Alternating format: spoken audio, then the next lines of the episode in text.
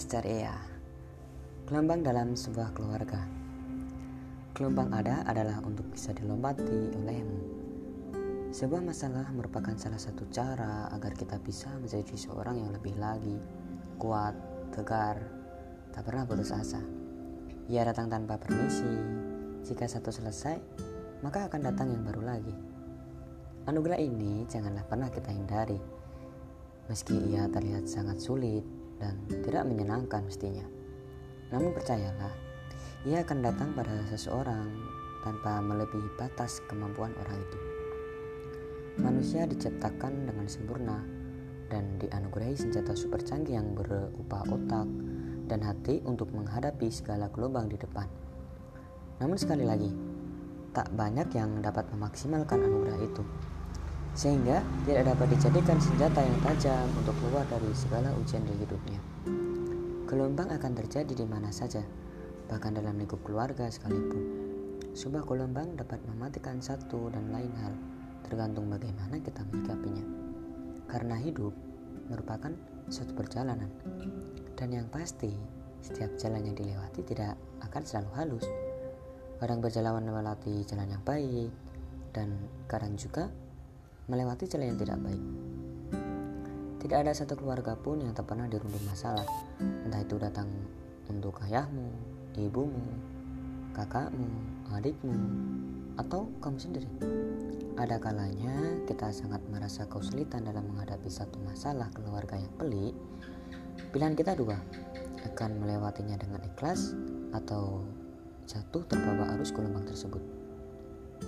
Oke, sekian podcast saya. Terima kasih.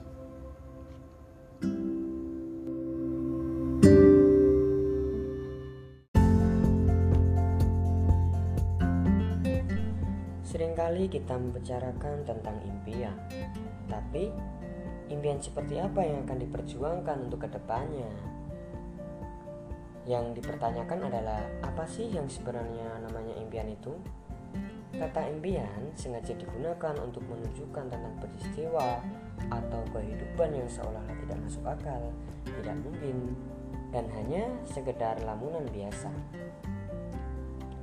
Impian tidak hanya berubah hal yang secara jelas bersifat duniawi, melainkan membentang luas dan sebatas ingin menjadi lebih pandai, terampil, sampai menjadi hasrat manusia yang lebih baik secara sosial, religius, dan juga spiritual.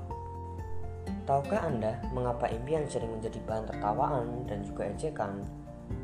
Karena kebanyakan orang sudah menganggap bahwa impian hanyalah sebentuk keinginan yang tak masuk akal, tidak mungkin, dan sekedar lamunan hidup yang amat susah. Impian dari orang-orang susah, miskin, dan menderita, dan juga mempunyai mental miskin, tak lebih dari hanya sebuah penghiburan atau sebentuk kekacauan pikiran saja. Orang sudah terlanjur percaya dan menganggap bahwa yang berat dan pantas memiliki impian hanya bagi mereka yang kaya. Tapi bagi mereka yang mempunyai akal sehat mengatakan sebaliknya. Justru karena Anda miskin, maka bangun dan perkuat impian Anda. Orang-orang yang percaya dengan kekuatan mimpi akan menilai Anda sebagai orang yang memiliki alasan yang lebih kuat dan besar untuk sukses bila Anda tetap membangun, memperkuat impian dalam apa pun keadaan. Bila orang hari ini menertawai atau menganggap impian Anda tak masuk akal, maka anggaplah ejekan dan tawaran itu menjadi tanggung jawab besar bagi Anda bahwa Anda bisa mewujudkan apa yang Anda impikan. Impian diperuntukkan bagi keinginan-keinginan besar dari orang-orang besar berani, bertanggung jawab, percaya, dan tentunya yakin bahwa tidak ada sesuatu yang mustahil untuk dilakukan. Tidak ada yang tidak mungkin untuk diraih. Impian juga diperuntukkan bagi mereka yang ramah dengan apa yang disebut banyak orang dan orang-orang itu yang menganggap bahwa impian itu adalah hal yang sangat mustahil dan omong kosong yang sia-sia. Impian diperuntukkan bagi mereka yang menyadari bahwa mereka bisa lebih hebat, lebih sejahtera, dan lebih bahagia dari dirinya yang terlihat sekarang. Kita bisa mencontoh para tokoh dunia seperti Bill Gates, Bill Gates adalah seseorang pendiri Microsoft dan sekaligus pernah menjadi orang terkaya di dunia. Ia pun pernah berkata, "Sebuah impian jika disertai dengan keyakinan kuat, kerja keras, serta dilandasi komitmen perjuangan tanpa henti, akan membeli hasil yang gemilang." Bill Gates adalah bukti nyata bahwa impiannya yang pernah dianggap mustahil kini mampu mewujudkannya. Nilai keyakinan dan perjuangan inilah yang bisa kita contoh dalam kehidupan kita. Selain itu, kepedulian Bill Gates untuk berbagi juga bisa dijadikan teladan bahwa sukses akan lebih berarti jika kita bisa saling berbagi. Tokoh lainnya juga seperti Soichiro Honda pernah berkata, bagi Soichiro Honda, janganlah melihat keberhasilan saya dalam menggeluti industri otomotif, tapi lihatlah di situ kegagalan-kegagalan yang dialaminya. Orang yang melihat kesuksesan saya itu hanya satu persen, tapi mereka tidak melihat 99% kegagalan saya.